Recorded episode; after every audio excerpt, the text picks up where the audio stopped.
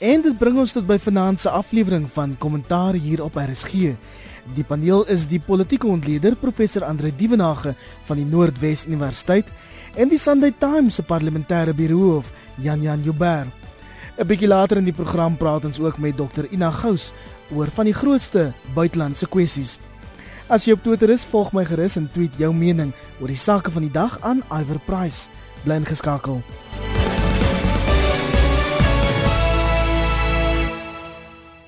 Meneer, ongetwyfeld die mees ontstellende storie van die week is die voorval waarin twee polisielede glo 'n man in Kaapstad aangerand het.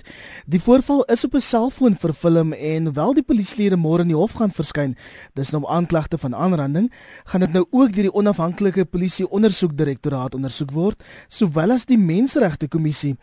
En prof, ek dink ons is redelik eensstemmig dat polisiebrutaliteit eintlik 'n saak van nasionale kommer is en so hanteer behoort te word. Alhoewel ongetwyfeld is dit so dat daar die afgelope tyd 'n tendens is van uh, eh, polisiebrutaliteit en dat daar baie sterk en baie drasties daarteen opgetree moet word. Mens verstaan dat die polisie onder bepaalde druk is, dat die polisie orde moet handhaaf, dat hulle letterlik die punt is tussen orde en chaos in Suid-Afrika, maar dit gee op geen manier aan hulle die reg om so op te tree in daai manier nie en ons sien dit al hoe meer homself uitspeel soos wat ons maar te maak het met tendense van sekurokratisering die land raak meer onstabiel die eise en die goed word meer en die proses waarby die polisie betrokke raak word al moeiliker. Dit lyk vir my asof die polisie baie drasties opgelei en moontlik heropgelei sal moet word om sekere situasies te hanteer. Ons dink byvoorbeeld aan wat hier gebeur het in Madibeng uh in, in Noordwes as 'n voorbeeld in die verband. So ek dink daar wag groot taak op die polisie. Ons weet die polisie se bestuur en bevel is ook nie wat dit moet wees nie. Dis baie onstabiel. So ek dink die polisie mag in die algemeen benodig 'n bepaalde politieke paradigma waarbinne hulle kan beweeg en kan funksioneer met 'n sterk stel waardes en uh, norme en dan natuurlik die leierskap wat dit moet stuur is tans ook grootliks afwesig. Dat die ondersoeke daar is word verwelkom en ek dink die menseregte kommissie het 'n belangrike taak in die verband. Jan Jan ek sien Helen Zille sê soveel van die probleme in die Wes-Kaap kry sy oorsprong in 'n mislukte polisie en strafregstelsel en ek weet die provinsie het eintlik nie veel mag oor die polisie nie. Stem jy saam met haar? Nou sy sal so sê want jy weet as jy twee goed waaroor sy nie mag het nie, nê. Nee, so dan dan kan sy ten minste nie daarvoor geblameer word nie. Maar ek dink ons moet versigtig wees om te veel te maak daarvan om die of groter entiteit te sien as die probleem.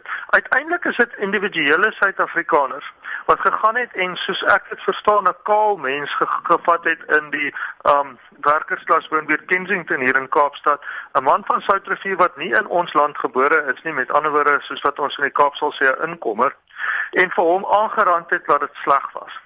Dis individue wat dit gedoen het.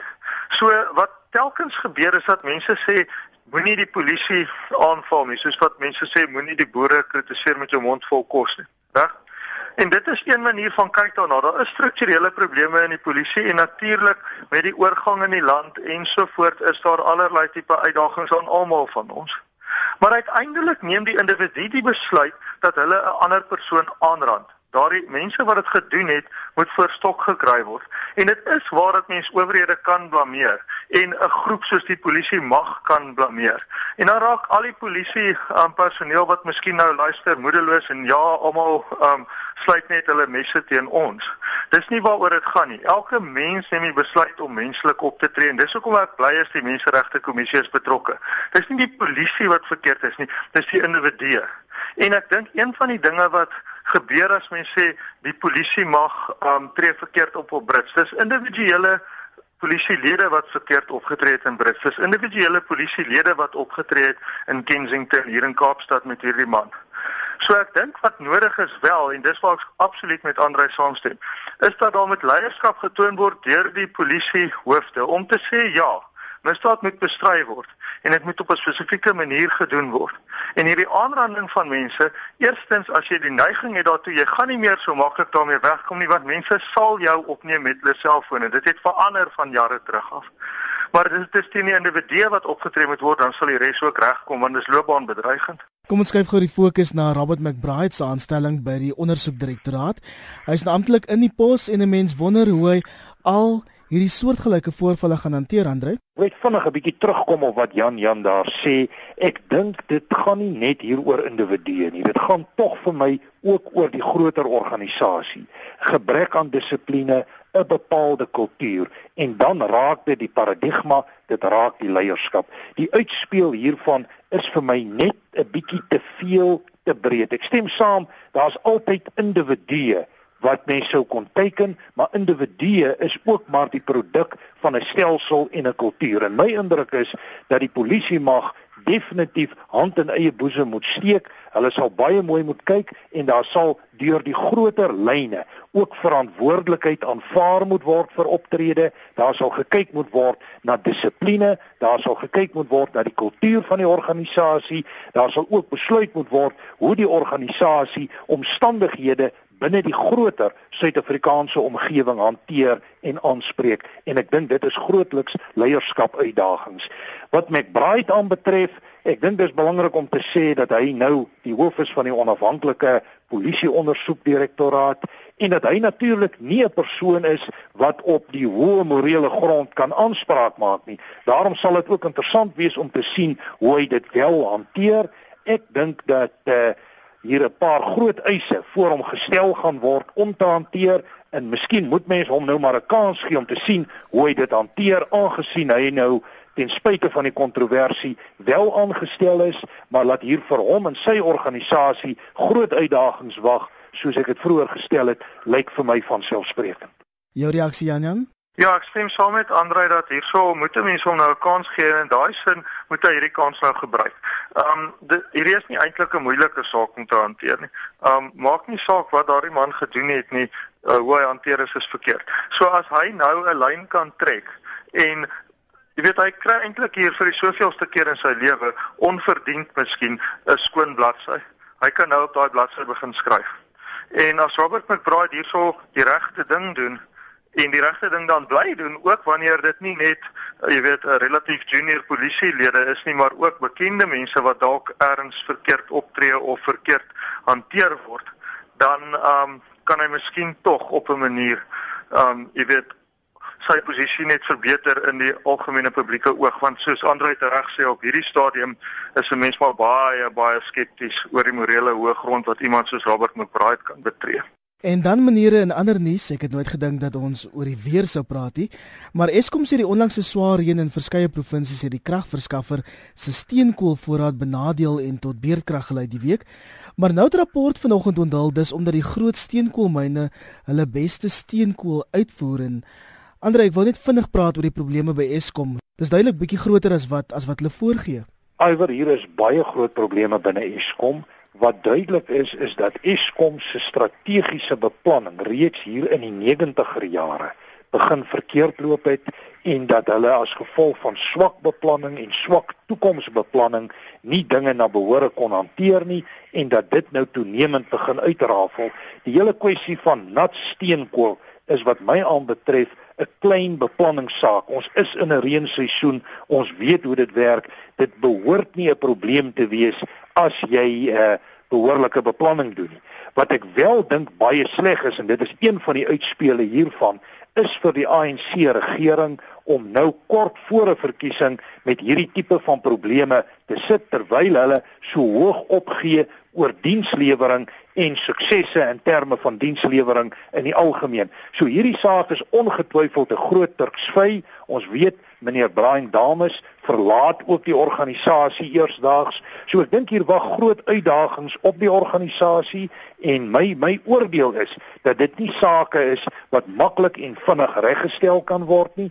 As ons ook kyk na een aspek wat mens miskien kan uitlig hier en dit is dat daar ook aansprake is van die Hitachi groep met korrupsie, ANC betrokkenheid, Chancellor House wat die DA nou graag ondersoek wil hê. In daai sin maak dit die saak nog meer kontroversieel en meer problematies, veral as dit dan nou sou blyk dat die ANC bepaalde geld uit van hierdie transaksies ontvang het wat hulle nou weer wil terugploeg in die verkiesing omdat daar in bepaalde omgewings teenspoed is. Die hele prentjie lyk vir my 'n slegte en 'n moeilike prentjie met slegte potensiële uitkomste vir die ANC en die regering. Andre verwys nou na Brian Dames, die uitvoerende hoof Jan Jan wat wyd gereken word as eintlik 'n briljante uitvoerende hoof en hy's nou op pad uit. Eskom se probleme gaan nog lank met ons wees. Ek dink Eskom se probleme gaan in elk geval nog lank met ons wees. Hierdie is nie probleme wat gister ontstaan het nie. Dit kom uit die tydperk toe president Thabo Mbeki se regering nie genoegsaam in infrastruktuur belê het nie en op hierdie stadium met president Zuma se regering daai foute probeer regstel. Ek sien wel um nogal gelag gister ek was um, by die DA se Weskaapse verkiesings afskop in Blue Downs hier so op die Kaapse vlakte. Toe sê Dr. Ivan Meyer die um, DA leier hier in die Weskaap dat die grootste kragonderbreking of afsny van krag kan op die 7de Mei wees as mense op 'n spesifieke manier stem. So ek dink dit gaan nogal 'n verkiesingskwessie wees. Die punt is dat die regering nie op hierdie stadium lyk like my volhoubaar aan die land se elektrisiteitsbehoeftes kan voldoen nie. En dit is definitief so dat die ANC se belang in Hitachi is 'n probleem. Dis 'n probleem op sigself en dit klink soos 'n teoretiese standpunt wat 'n mens inneem as jy sê 'n uh, regerende party of enige politieke party moenie in um, in maatskappye belê nie want dit kan 'n belangebotsing veroorsaak. Dit klink baie teoreties tot op 'n dag soos nou waar jy sien dat die ANC in 'n sekere in 'n baie groot mate munt kan slaan uit die feit dat sekere kontrakte by Medupi en Kusile die twee nuwe kragsentrale aan 'n maatskappy toegewys word. En waar daar dan daardie vertragings is, sou mense ten minste hoop dat die ANC jy weet wat sekerlik geld nodig het vir die verkiesing, daarom die ordentlikheid sal hê om 'n bietjie terug te hou totdat die krisis verby is voordat hulle nou hulle geld inkry. Maar eintlik is dit 'n beginselprobleem. Dis nie net 'n klein probleempie wat nou maar gebruik kan word in die verkiesing nie. Daar moet wetgewing wees eintlik dat 'n politieke party nie kan belê in maatskappye nie. Dis 'n noodwendige belangebotsing. Meneer as ons kan aanbeweeg beide die Vryheidsfront Plus en Agang het gister hul verkiesingsmanifeste bekend gestel, maar eintlik was alle partye die naweek aan die stemme werf. ANC bekendes was in die Noord-Kaap, die DA was in Blue Downs daar by te Kaapstad. En Andre die meeste partye se manifeste is nou bekend gestel. Is daar spesifieke verskille tussen hierdie manifeste wat jy wat jy opgetel het? Iwer, ek het 'n bietjie van 'n klassifikasie gaan maak van die betrokke manifeste. En dit is vir my duidelik as jy dit probeer klassifiseer op die sogenaamde politieke spektrum, dan sit jy in die sentrum met redelike konsensus oor wat die groot sake is, goed soos werkskepping, behuising, swart bemagtiging, grondhervorming, gesondheid, onderwys, al daardie groot sake. As jy regs van sentrum beweeg, dan kry jy 'n sterker fokus op identiteit, op selfbeskikking, op individuele regte en hier is die nuut gestigte Front Nasionaal nogal 'n interessante regse groepering Dan Rood daarbey betrokke. Mense kan die parallel sien met die Franse party met omtrent 'n soortgelyke naam. As jy dan weer links van sentrum beweeg, dan kry jy ook 'n tipe van 'n identiteitspolitiek wat sterker swart nasionalisties is, waarin menseregte beklemtoon word, die hele kwessie van kollektiewe bevoordiging as gevolg van die apartheidsverlede en so meer. Dis ook interessant as jy hierdie selfde spektrum vat, dan sien jy dat daar verskillende rolle aan die staat toegekend word. In die sentrum kry jy 'n sterker ontwikkelingsgedefinieerde rol As jy na die linkerkant toe beweeg, kry jy 'n baie sterk interventionistiese benadering wat voorgestel word en dan as jy regs beweeg, kry jy eintlik so 'n hande af benadering van ons moet selfbeskikking hê, die reg hê om ons eie dinge te doen. Wat duidelik is is dat die groot gewig lê tans binne die sentrum met 'n momentum na die linkerkant toe van die sentrum. En dit is daar waar die vryheidsvegters baie sterk na vore kom en 'n mens kan ook daai tekens lees in terme van hierdie nuwe sosialistiese groepering wat 'n week gelede tot stand gekom het. In daai sin is hier 'n klomp dinamikas, maar wat die sentrum aanbetref, relatiewe konsensus oor die groot kwessies, verskillende werkswyses hoe om dit ten uitvoer te bring. Dr Pieter Mulder het gister die opmerking gemaak dat die DA eintlik maar net die ANC light begin word het. Jan en ek wonder wat jy daarvan maak. Nie veel nie om die waarheid te sê. Kyk, die feit dat mense saamstem oor wat die land se uitdagings is, beteken nie dat hulle saamstem oor hoe dit opgelos moet word nie. En ek meen die verskil tussen byvoorbeeld hoe dat die ANC um dink werkloosheid wat die land se wel volgens hierdie politieke partye ek dink nogal nie werkloosheid is ons grootste probleem nie. Ek dink ongelykheid is ons grootste probleem maar daarbey het die partye nog nie uitgekom nie. Kom ons vat net werkloosheid en die oplossing daarvan as 'n 'n beginpunt. Is 'n punt wat die Vryheidsfront sover ek kan sien nie verskriklik sterk aanspreek nie maar dit is die land se grootste probleem. En wat die ANC sê is die regering moet werk skep. Met ander woorde, 'n meer soos wat ander uitgewys het, 'n meer linkse oplossing, 'n meer sosialistiese oplossing. Die DA sê die ehm um, regering moet die omgewing skep waarin sakeondernemings kan floreer om werk te skep. Met ander woorde, dis eintlik geheel en al teenstrydige oplossings, né? Ehm um, die die ANC meen die staat moet basies die uh, die drywer wees van werkskepping. En dis 'n groter staatsdiens, meer ehm um, tydelike werk deur byvoorbeeld die uitgebreide openbare werke program ensovoort, reg? Die DA sê nee, as die staat werk skep dan is dit eintlik maar net 'n groter las op die belastingbetaler. So daarom moet daar minder regulering wees, 'n kleiner rol vir die staat en ehm um, jy weet 'n groter kans vir besighede om te kan uitbrei om mense byvoorbeeld te kan afdank of aanstel dat jy nie al alle werk ehm um, met alhoewel alle werksgeleenthede moet koppel aan allerlei byvoordele dat alles 'n permanente ehm um, struktuur kry dat jy nooit van iemand ontslae kan raak en dat jy vreeslik hard moet dink voor jy iemand aanstel nie. So ja, mense sal lawaai na die linker en die regterkant toe. Maar mense moet miskien nie lui wees nie en mooi gaan kyk wat die uh, onderskeie manifeste van die politieke partye sê en dan sal hulle minder uh, maklik kan sê dat daar nie 'n verskil is in die hoofstroom van die politiek nie. Ek wonder hoeveel kiesers, dis seker maar 1% van alle kiesers wat werklik 'n uh, verkiesingsmanifest van enige party lees. Andre, dan het rapport vanoggend onthul dat die ANC se eie peiling wys dat hy Gauteng in die verkiesing kan verloor. Want dis nogal vir my interessant. Ons het tot dusver gesê die DA droom eintlik as hy dink hy het 'n kans in Gauteng.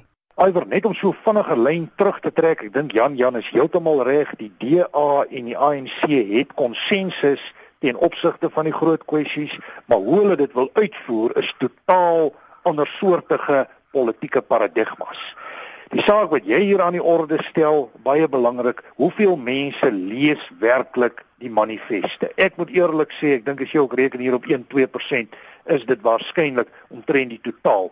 Ons politiek is baie sterk uh, persoonlikheidsgeoriënteerd. Ons kyk na individue, ons soek amper kultusfigure in die politiek en ons is geneig om agter hulle aan te loop. Maar die moeilikheid met ons huidige politiek is dat daai figure en ek wil dit amper oor die spektrum heen sê baie swak gedefinieer is. Ek sien nie baie sterk leierskap figure wat na vore tree nie en is natuurlik in hierdie ruimte waar iemand soos 'n Malema baie sterk inspel. Om uit te kom by Gauteng, ja, ek dink die, die, die daar is tekens van binne selfs die ANC dat hulle met 'n probleem sit.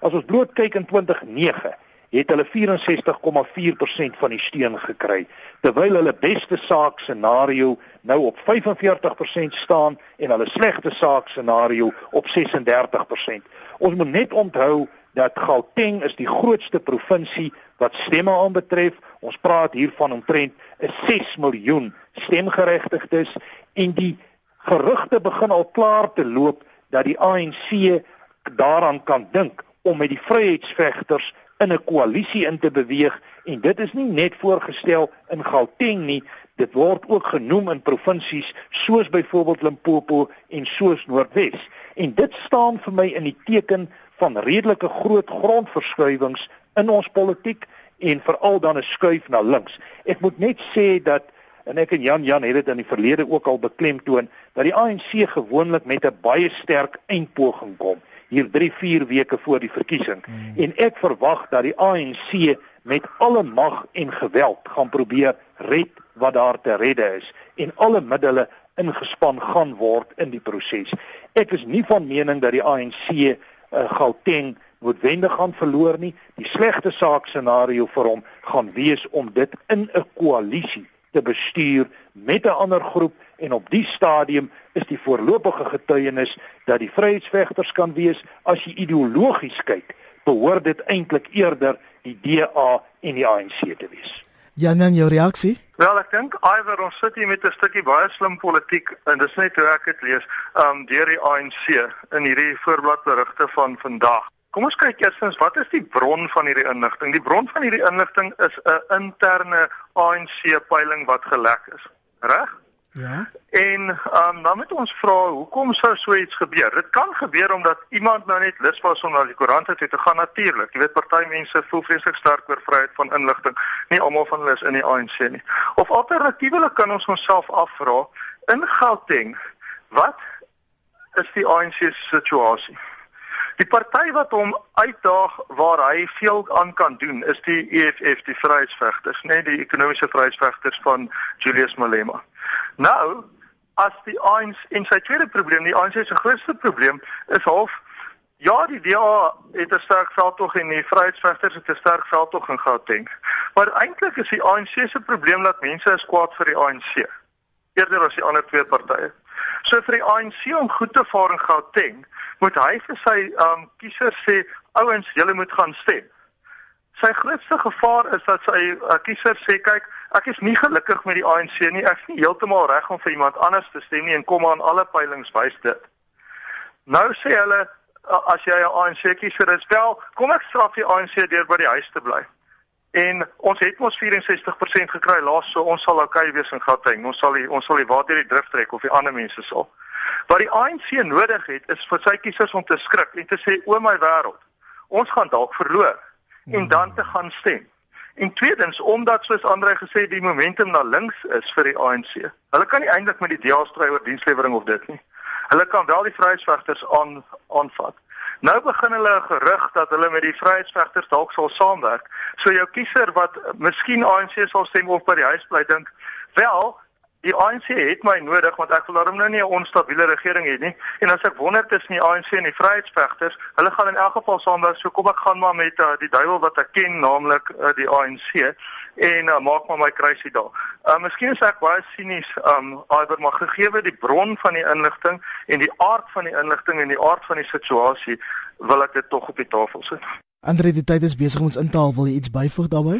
Wel, ek dink ek kan breedweg met uh, Jan Jan saamgaan dat hier 'n goeie stuk taktik is uit die oord van die ANC. Ons weet die ANC is bekommerd oor Gauteng.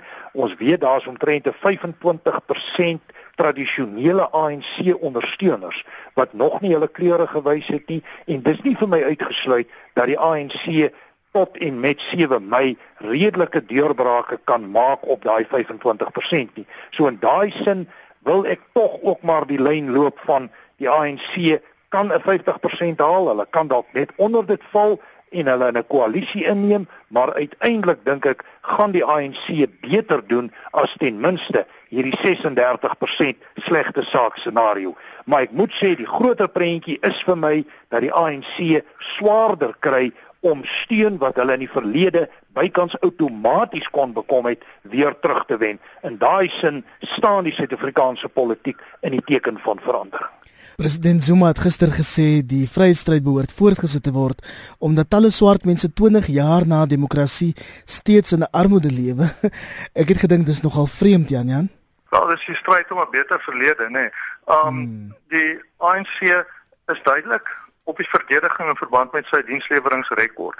So op hierdie stadium sal um president Zuma daardie tipe van geskiedenis baie hard As ek net vinnig kan sê iwer oor waar ons vroeër gepraat het, naamlik meningspeilings. Ons by die Sunday Times werk met Markie Nor saam om ons eie meningspeiling te doen wat een van die dae behoort te verskyn. En dit gaan interessant wees om te sien of daar verskille is met die interne party peilings wat nou, jy weet, wat en wakker gelek word. Um ek dink wel dat uh, president Zuma moenie afgeskryf word nie. Um hy word gebruik in gebiede waar baie van ons luisteraars um miskien nie kom nie. Dit is naamlik die ANC gebiede waar die ANC baie baie sterk steun geniet het in die verlede en waar miskien nou mense afvallig is van die ANC maar waar ander partye nog nie 'n impak maak nie. President Zuma se rol in hierdie verkiesing lyk dit vir my gaan wees om daardie gebiede se stempersentasies op te stoot. En dat dit die plan is, kan jy reeds sien aan die verkiesingsregistrasiesyfers wat die OVK hierdie week bekend gemaak het. As jy dit 'n bietjie afbreek soos ek besig is om te doen in verskillende dele van die land in, dan kan jy sien dat die gebiede waar die ANC tradisioneel sterk is, nogal in groot getalle gaan registreer het in die tweede verkiesingsregistrasie naweek. Ek dink die laaste woord behoort aan jou, Andre. Uh, ek dink Jan Jan is heeltemal reg. Ons moenie die ANC te vinnig te maklik afskryf nie. Hier is gebiede waar in die ANC baie sterk steun konsolideer. Ek bly by my projeksie wat ek aanvanklik gemaak het dat nasionaal behoort die ANC iets tussen 57 en 61% te kry.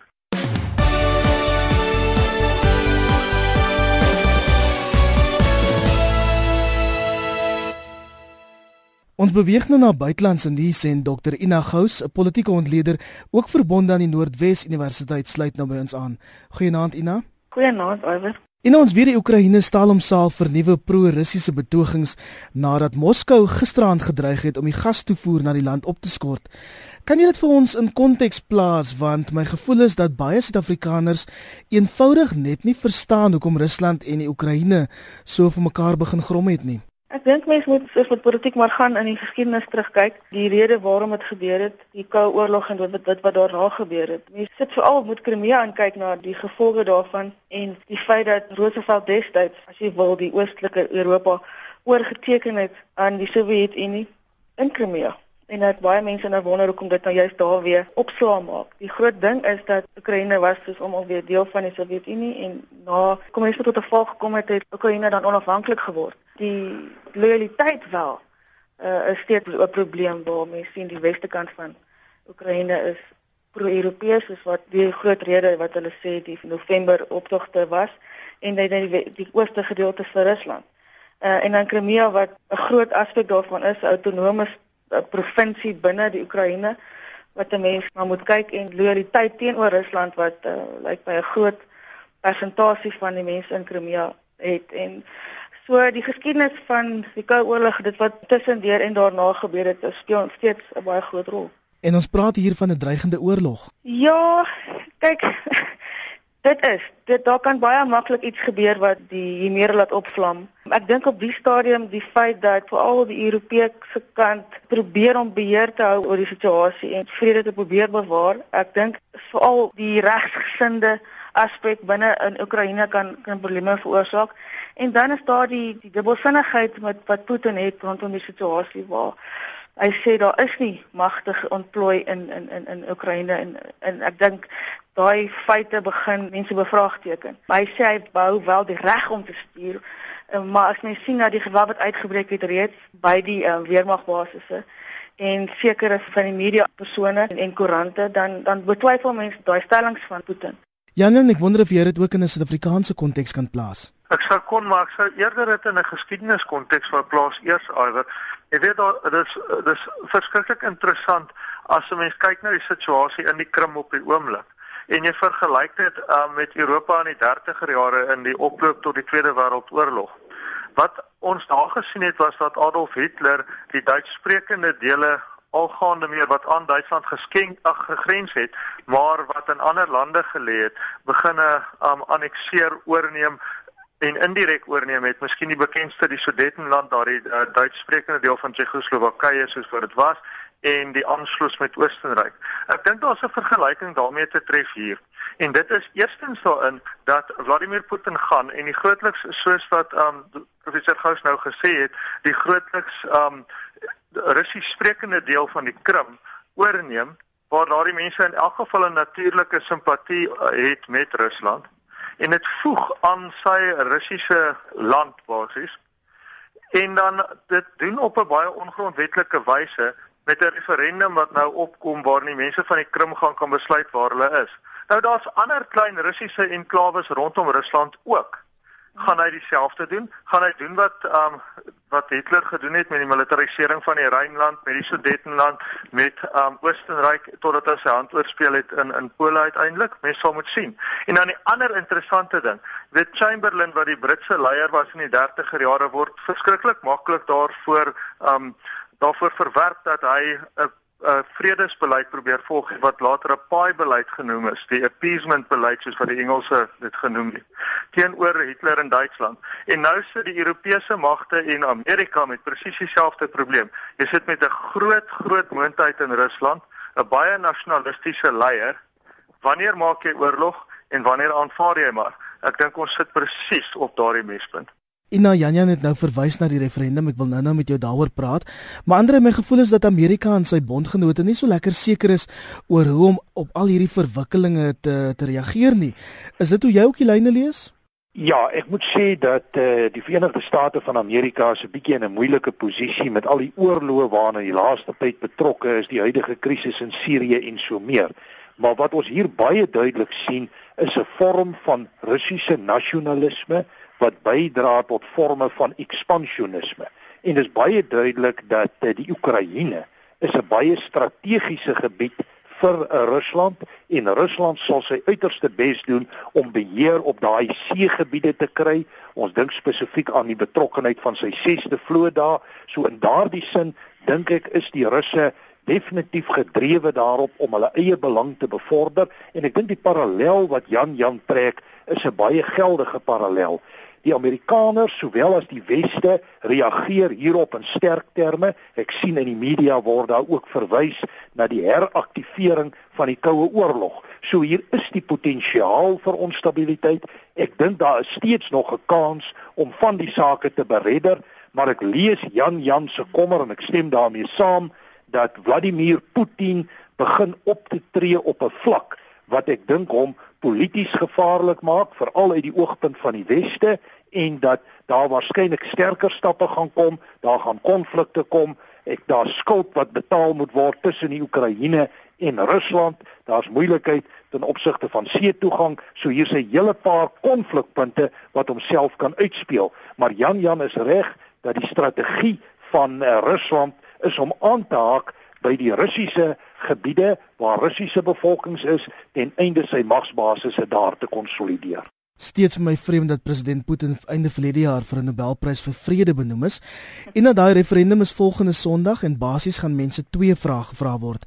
Dit is moet die Krim deel wees van die Russiese Federasie of moet die Krim terugkeer na grondwet van 1992 waar dit meer autonomiteit sal gee. Lees ek hierdie storie reg? Jy lees dit reg en as mens kyk na die Krimse parlement wat reeds in hulle selfbestemming gehad het, wil dit voorkom asof dat die, die gevoel na Rusland se kant toe definitief gaan wen met hierdie met hierdie uh, referendum. Die probleem is dat meningsopnames wat gemaak is voordat die Russiese troepe die Krim beset het, sy gesê dat uh, daar nie 'n inlywing by Rusland by mense wil wees nie. En na dit gebeur het en verskeie regse aspekte binne die Oekraïne hulle kop uitgesteek het, dink ek die gevoel het nou verander. En ek dink die invloed wat die Oekraïne die interim regering het, moet nou baie duidelik gestel word. Ek dink die interim president of parlement probeer om Oekraïense oligarge in sleutelposisies te plaas byvoorbeeld aan die ooste kant van die land uh, met die gevoel, die hoop dat dit eh, 'n poging tot eenheid sal wees. Hierdie goewerneurs nou in hierdie oostelike provinsies met hulle geld en hulle invloed en veral hulle eie belang kan dalk verdere konflik verhoed. Die probleem is die eie belang en dat hulle dalk weer misbruik sal maak van hierdie mag. Maar baie mense dink dat dit 'n goeie skei was en dat dit dalk die referendum kan beïnvloed. Mense gaan moet wag en kyk. Die groot ding is ook dat die sanksies waarvoor ons nou gepraat het, uh, na gekyk moet word en mense sal hoop dat die Krim se parlement daarna sal kyk. Ons weet die Europese Unie is nie entoesiasties oor sanksies nie. Brittanje het Russiese finansiële kapitaal nodig en Europa het uh, die energie nodig. Frankryk was tot dusver redelik stil want hulle voer vreeslik oorlogskepe uit na Rusland op die stadium en um, ek dink die groot ding is vir Rusland vir al vir Putin is om tyd te koop. Die idee is dat hulle oorname en hulle betrokkeheid by die Krim spesifiek as normaal gesien gaan word oor die tyd heen. En soos professor um, Dievenage gesê het, die FSA is in 'n baie moeilike posisie want uh hulle kan sanksies op die spesifiek hierdie oligarge van Rusland inpas en die effek gaan dalk op die lange duur skade aanbring. Maar die die situasie kan weer opkrop soos wat ons gesien het met Georgië laas jaar en nou met Oekraïne dat Putin gaan probeer om sy sy magbasis uit te brei. En mense sou hoop dat die oppositie wat wel is in die Krim hierdie dinge gaan uitlig voordat die referendum gebeur. As ons vinnig kan praat oor die toenemende spanning tussen Suid-Afrika en Rwanda, die twee het Vrydag oor en weer diplomate uit die onderskeie lande gesit te midde van geskille oor die vermeende sluipmoord op 'n uitgeweke Rwandese generaal in Johannesburg. Janjan, wat het hierdie verhouding so suur gemaak? Wel ek dink dat die Suid-Afrikaanse regering of die Suid-Afrikaanse owerhede is baie duidelik oor hoekom hierdie Rwandese uit ons land gesit is. Hulle word daarvan verdink dat hulle betrokke was by die sluipmoord op daardie Rwandese oppositiefiguur wat in Johannesburg vermoor is. So ek dink korrekte besluit Suid-Afrika as ons daardie bewyse het. Um wat Rwanda aanbetref, nou moet hulle seker maar ook iets doen sodat ons nou drie van hulle um diplomate uitsit, toe sit hulle ses van ons diplomate uit. Ek dink dis in die hak. Um dis tot daarna toe. 'n Mens kan nie met met mense wat met by sulke dinge betrokke raak jouself assosieer nie. So um ek dink wat Suid-Afrika aanbetref, dit verg nogal baie vir ons om op te tree teen 'n Afrika land.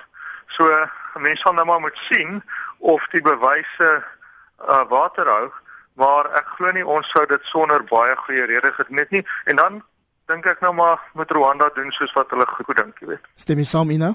Ek sien heeltemal saam. Ek dink die slag is gelewer en ek dink is baie goed dat Suid-Afrika standpunt ingeneem het in hierdie situasie dat die tipe van ding nie net hier toegelaat sal word nie en dat diplomatieke immuniteit nie misbruik kan word nie. En Rwanda moet nou maar besluit wat hulle verder gaan doen. Ek is, wil ook net dink 'n mens moet mooi kyk na 'n situasie voordat asiel aan 'n persoon verskaf word dat die situasie baie mooi na gekyk moet word in, die vervolg. Andre, wil jy iets byvoeg? Ja, ek dink ons moet maar vir mekaar sê dat die verhouding tussen Suid-Afrika en Rwanda is nie 'n goeie een nie, gegee word die nuutste gebeure, maar dit strek ook verder. Dit raak ekonomiese belange en finansiële belange en konflikte wat homself ook in die DRK uitspeel. Natuurlik is ons bewus van die geweldige menseregte skendings in Rwanda tydens die 90er jare, maar my oordeel is dat die Suid-Afrikaanse regering hier sterk standpunt behoort in te neem soos hulle ingeneem het en dat Rwanda dan maar sy pad in die verband loop. Wat die politiek moreel hoë grond aanbetref is Rwanda definitief nie daar nie. So ek moet sê ek verwelkom Suid-Afrikaanse stappe in die verband Fluit fluit ons storie is uit. My naam is Iver Price en dankie dat jy by kommentaar ingeskakel het. Dankie ook aan die paneel. Dit was die politieke ontleeders, professor Andre Dievenage, Nancy Andre, Nant El Iver. Dr Ina Gous, dankie Ina. Lekker aan. En die Sunday Times se parlementêre birou of Jan Jan Joubert. Dankie Jan Jan. Goeienaand Iver en goeienaand luisteraars. Bly ingeskakel vir finansiële fokus.